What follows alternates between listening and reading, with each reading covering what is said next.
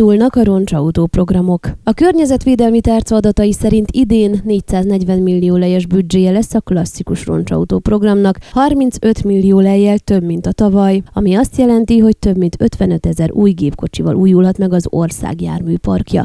A roncsautó plusz program büdzséje pedig 400 millió lej, kétszeres a tavalyinak. A szaktárca becslései szerint ezzel akár 6600 százalékosan elektromos meghajtású járművet, illetve 5000 hibridet tud megvásárolni a lakosság.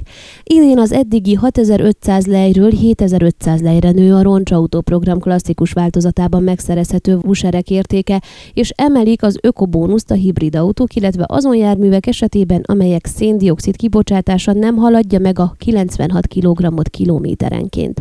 A 100%-osan elektromos meghajtású járművek beszerzését idén is 45 ezer lejjel, a hibridek vásárlását 20 ezer lejjel támogatják.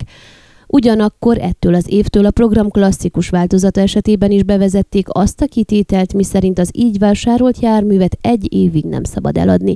A klasszikus programban a regisztrációs bejegyzés érvényességét 150 napra terjesztették ki, a plusz program keretében pedig 240 napra.